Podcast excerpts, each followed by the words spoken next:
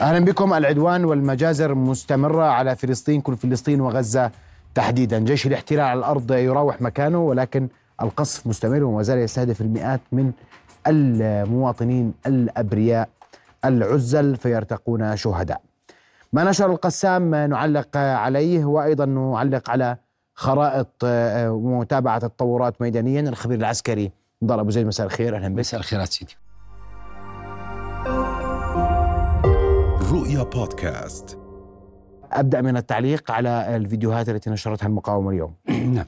نبدأ بالفيديو الأول وهو فيديو الصواريخ التي نشرها القسام والرشقة الصاروخية الجديدة التي أطلقها القسام في إصرار وتصميم على يبدو برسالة أن المقاومه بخير. نعم. قلنا من أكثر من حلقة على نبض البلد أن المقاومة تحاول إثبات أن القيادة والسيطرة لا زالت فيها متماسكة وتحاول أيضا إرسال إشارة إلى الجانب الإسرائيلي والمجتمع الإسرائيلي بأن المقاومة هي اليد الطولة وهي من يتحكم بمشهد العمليات. وقلنا أن ذلك يتم من خلال الرشقات الصاروخية. اليوم الرشقة الصاروخية التي خرجت باتجاه تل أبيب هي قد تكون الأكبر والأكثر والأكثر عمقا في داخل الأراضي الإسرائيلية. نتكلم عن عن عمق تل أبيب وبالتالي نتكلم عن 71 كيلو متر من ال- ال- المسافة التي تم قصف استخدمت فيها الرشقة الصاروخية من قبل المقاومة. وبالتالي هذه المسافة وهذا العمق الاستراتيجي الذي قامت المقاومة بقصف الجانب الإسرائيلي يؤكد بأن المقاومة لا تزال تتمتع بقدرة عالية جدا على التحكم بمشهد العمليات وأن القيادة والسيطرة وهي أهم نقطة موجودة في مسرح العمليات أن القيادة والسيطرة السي 2 ال command control لدى المقاومة لا يزال متماسك ولا يزال يستطيع إصدار الأوامر ولا يزال يستطيع إعطاء المؤشرات عن ماذا يكون شكل العملية في هذا اليوم وماذا ستقوم به المقاومة. إذا بما أن الرشقات الصاروخية وصلت إلى تل أبيب ويوم أمس كان في غلاف غزة عديد من الرشقات الصاروخية إذا المقاومة تستطيع التحكم بثلاث نقاط رئيسية ماذا؟ ومن؟ ومتى؟ وأين؟ إذا هذا المشهد يؤكد على أن المقاومة لا تزال بخير ولأن المقاومة لا تزال هي من تتحكم بالمشهد وهذا يضغط أيضا بالمناسبة على الجانب الإسرائيلي أكثر حتى على الشارع الإسرائيلي يضغط عليه أكثر ويكذب الرواية الإسرائيلية وبالتالي هذه فيها العديد من الإشارات والرسائل للمجتمع الإسرائيلي وللجيش الإسرائيلي بالتحديد. طيب المقاومة تستمر في آه، نشر الفيديوهات والحديث أيضا تزامن ما بعد هذا الفيديو بساعات عن استهداف ثمانية جنود احتلال في ما في آه، آه، منطقة. نعم في تل الزعتر. تل وتل الزعتر ذكرت فيها إنه إحنا نعم. يبدو أن الاحتلال اعتمد هذه المنطقة كمركز عمليات. تفضل. هذا المقطع أنا أود أن أشير إلى معادلة بدأت تظهر تقريبا من فترة أربع أيام أو خمس أيام أن موضوع المقاطع المصورة بدأ يتزايد من قبل المقاومة. ال- الإصابات ترتفع من قبل على على قوات الاحتلال وبالتالي زيادة نسبة هذه المقاطع. لوصولها إشارة إلى المجتمع الإسرائيلي بالتوازي مع المسار الدبلوماسي التي يتم الحديث عنه عن مفاوضات المقاومة. تريد أن تضغط وتعطي صورة حقيقية على الأرض للمفاوض بأننا لا زلنا بخير ونستطيع إيقاع خسائر في قوات الاحتلال وبالتالي من باب تسريع هذه المفاوضات وتسريع أخذ قرار فيها. هذا المقطع لاحظ من بين البنايات وفي أزقة ضيقة جدا يستطيع المقاوم الخروج واستمكان هدف متحرك وليس ثابت وهي من أصعب أنواع الأهداف استمكانا ويقوم بقصف هذا الهدف وهي جرافة تي دي آه، لقوات الاحتلال وبالتالي لا تزال المقاومة وهذا بالمناسبة يؤكد على أن المقاومة موجودة في كل مكان داخل قطاع غزة في الأبنية المدمرة في ال- ال- ال- الأزقة ال- الضيقة في الوديان في آه، مكان وفي الأنفاق وبالتالي هذا جميع هذه ال- ال- المقاطع تؤكد. طيب. على أن المقاومة بخير وتقاتل من آه، قوة وليس من ضعف. قبل ما أروح على الخريطة يبدو الاحتلال آه، انزعج كثيرا من من فيديو المقاومة وصلتم متاخرين نعم. صحيح؟ صح. و- فنشر فيديو توضيحي لموضوع الأنفاق. أسمع وجهه نظرك واستتابع الفيديو نعم. يعني نذهب إلى المقطع حتى نعلق إليه إذا موجود. يعني يبدو أن موجود. الرسائل الرسائل الهجومية لدى المقاومة لاحظ آه، بداية هذا ال- ال- ال- المقطع الذي نشرته قوات الاحتلال هذا يحتاج إلى آه، آه، أجهزة أو ماكينات حفر عملاق. وبالتالي لا تس... لا يمكن. بس هم يحطوا إنه هذه هذه صور حصلوا عليها من من من ال IDF's intelligence yes نعم. هذا آه، يريد أن أن أن يرسل إشارة إلى أن المقاومه تم اختراقها وانه تم الحصول على معلومات. أن هذه المعلومات حصل عليها من نفس عناصر المقاومة. لكن هذا المقطع لا يشير إلى أن لا هذه عناصر حما- حماس ولا هذه عناصر المقاومة ولا هذا النفق قد يكون للمقاومة. لأن هذا أنفاق أو هذا النوع من الأنفاق الذي ظهر في المقطع الذي سربه جيش الاحتلال هذا يحتاج إلى ماكينات ضخمة جدا. لابد من طائرات الاستطلاع الإسرائيلية من كشف حدث كهذا الحدث أو تصرف كهذا الحدث. هذا لا يتم حفره. هذا الجهاز. هذا الجهاز لا يحفر لا يحفر أنفاق بشكل الأنفاق الذي وبالتالي لا تزال حتى الماكينة الإعلامية الإسرائيلية تفشل بالترويج للدعاية الإعلامية العسكرية التي تريد منها إيصال رسالة لكن يبدو أن كل الرسائل الإعلامية التي يحاول الجانب الإسرائيلي إرسالها تنعكس عليه سلبا لأنه لا يتعامل مع جهات آه، آه، آه، قد يتم تمرير عليها رسائل عادية. أنا أعتقد أننا قد نشاهد خلال 24 ساعة قادمة أو 8 باقصى حد 48 ساعة قادمة ردا من المقاومة على مثل هذه المقاطع الذي ينشر الاحتلال لأننا قلنا كثيرا أن هناك إعلام وأن هناك إعلام مضاد يتم من قبل ال- المقاومة أو من قبل قوات الاحتلال. طيب الخرائط ماذا تقول تطورت على الأرض ماذا تقول أستاذ محمد قبل الخرائط دعني فقط آه، ألج. بشكل سريع إلى الإصابات. لازلنا نركز على موضوع الإصابات آه، كثيرا وكل يوم نتكلم بموضوع الإصابات لما له من أهمية يقودنا إلى شكل العملية مسرح العملية إلى أين تتجه الأمور سواء في المسار السياسي وفي المسار العسكري لأن المسار السياسي هو الذي سيحدد المسار التفاوضي الذي يجري الحديث عنه. اليوم وحسب الإعلان الرسمي ونعتمد وسنتكلم بالإعلانات الرسمية الإسرائيلية حتى نثبت نقطين، اولا زيف هذه الإعلانات الرسمية وثانيا نستند بحديثنا وبتقييماتنا من الإعلانات الرسمية التي أيضا تؤكد رغم قلة الأرقام مدى قم آه، آه، آه، ضخامة الخسائر في صفوف الاحتلال، اليوم وصل العدد إلى 139 قتيل، هناك 463 قتيل. تسعة منهم من من من وحدة تعرف بوحدة يهلوم وهي هذه الوحدة.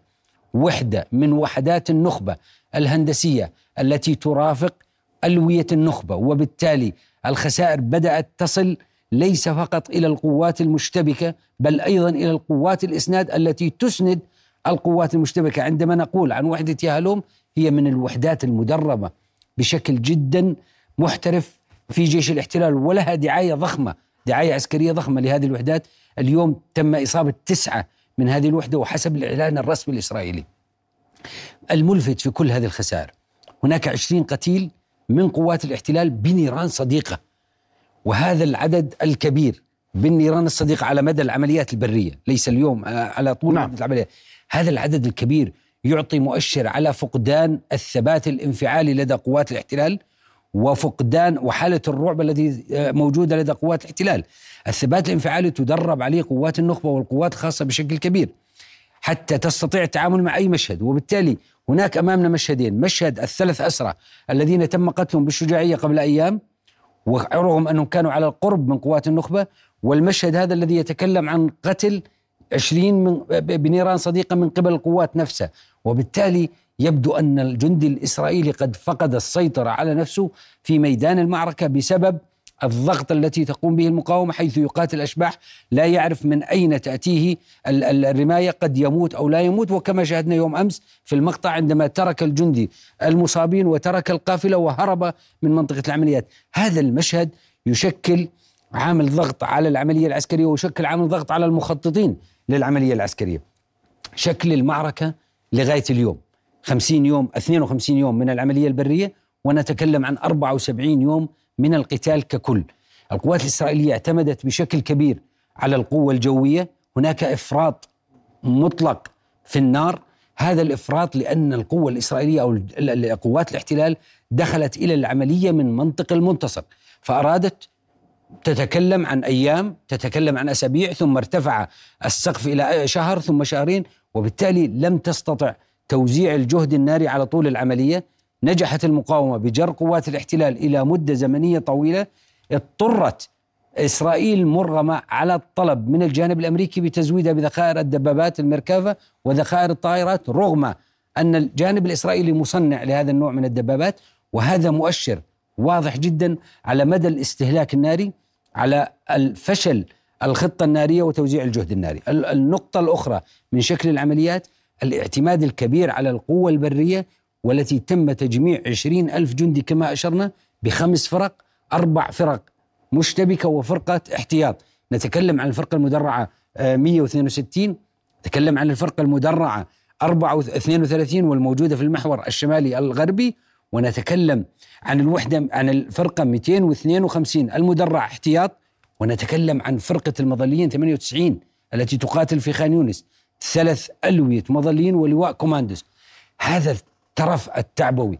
وهذا العدد الضخم من القوات الموجود في منطقة تقاتل مساحتها 362 كيلومتر وهي قطاع غزة وهي واحد بالمية من نسبة مساحة الأراضي المحتلة. هذا الترف التعبوي جعل قوات الاحتلال صيد سهل للمقاومة ويندرج تحت استراتيجية المقاومة التي أعلن عنها الناطق الرسمي باسم المقاومة وتكلمنا عنها آه، يوم أمس وهي صيد البط أصبح الجندي الإسرائيلي.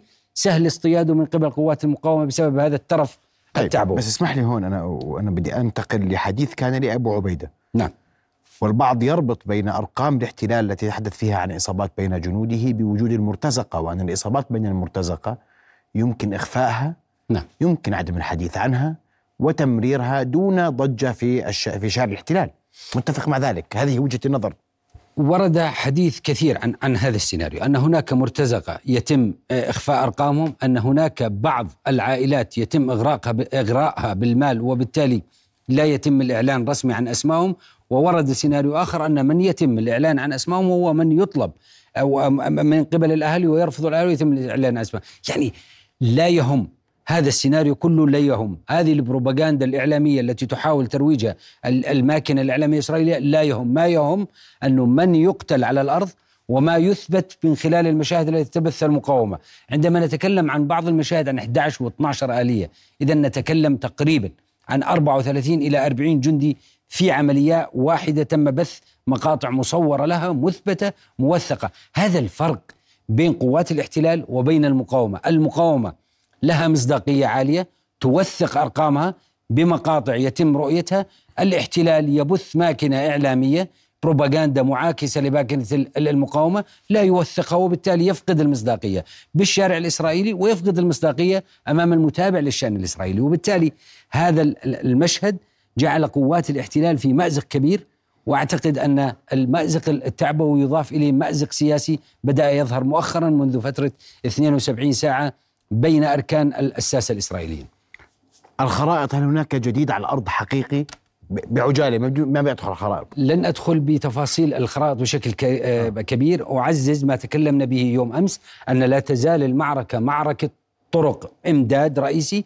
اليوم وبشكل علني تم الإعلان أن القوات الاسرائيليه على على على لسان الناطق باسم الجيش الإسرائيلي أننا ن- ن- ن- نقوم بضرب طريق آه، عبسان ويتم استهداف طريق آه، كوسوفيم لأننا نريد فتح طرق إمداد للقوات الموجودة على محيط خان يونس وهذا إعلان رسمي وبالتالي لا جدال فيه. قلناها يوم أمس أن المعركة مع معركة طرق برية. منذ فترة انتهاء زيارة وزير الدفاع الأمريكي أوستن مساء أمس لغاية اليوم. هناك قصف مكثف كبير جدا على خان يونس ولمس هذا القصف من خلال الأخبار التي تردد وبالتالي يبدو أن هذا القصف مرده أن إسرائيل تريد رفع منسوب القصف في آه، تجاه المدنيين من أجل الدفع باتجاه مبادرة سياسية، أي أن ال- آه، تساوي أو توازي المسارين، المسار العسكري مع المسار السياسي. هذا القصف الكبير تريد منه إسرائيل دفع زيادة الضغط على ال- ال- ال- ال- الراعي الدولي والراعي الإقليمي آه، على الدفع باتجاه الإصرار على الخروج بمبادرة. ال- الملفت في الجانب السياسي نتيجة هذه القصفات إنه لأول مرة يخرج الرئيس الإسرائيلي اليوم بتصريحات هيرتسوغ اليوم اخرج خرج بتصريحات مع ساعات العصر وقال إنه يجب الذهاب باتجاه مفاوضات قبل أن يتورط الجيش أكثر. هذا التصريح ملفت ولأول مرة الرئيس الإسرائيلي يتكلم كان سابقا لا يتكلم الرئيس الإسرائيلي حسب التشريع الإسرائيلي أو حسب ال- العرف الإسرائيلي ويبقى ال- الحديث لرئيس الوزراء. لكن عندما يتكلم الرئيس ال- الإسرائيلي هذا مؤشر على مدى المأزق الذي يتواجد في قوات الاحتلال. أنا أعتقد أننا أمام سيناريوهات باتت واضحة خلال ال 24 ساعة القادمة أعتقد أننا سنسمع كثيرا آه، في ارتفاع وتيرة القصف المقاومة ستبث العديد من المقاطع المصورة. أعتقد يعني فترة ال 24 ساعة لغاية فترة ال 72 ساعة قد يظهر ظهور أيضا آه، الناطق الإعلامي باسم المقاومة سواء آه، سرايا القدس أو آه، القسام وبالتالي يزيد الضغط على الجانب الإسرائيلي، نحن أمام معركة ضغط دبلوماسي أمام حالة كسر عظم كل يريد إثبات وجوده، أعتقد أن الإسرائيليين لن يحققوا شيء خلال 24 ساعة، المقاومة ستحقق خسائر كبيرة وسنشاهد العديد من المقاطع. واضح جدا. أشكرك كل الشكر للخبير العسكري والاستراتيجي نضال ابو زيد على وجودك معنا الليلة كل الشكر غدا نتابع تفاصيل أكثر ونتحدث عن الساعات القادمة كيف سيكون شكلها في حال لم يجد جديد حقيقة على الأرض في عمليات جيش الاحتلال اليوم. شكرا جزيلا لك. كل الشكر رؤيا بودكاست.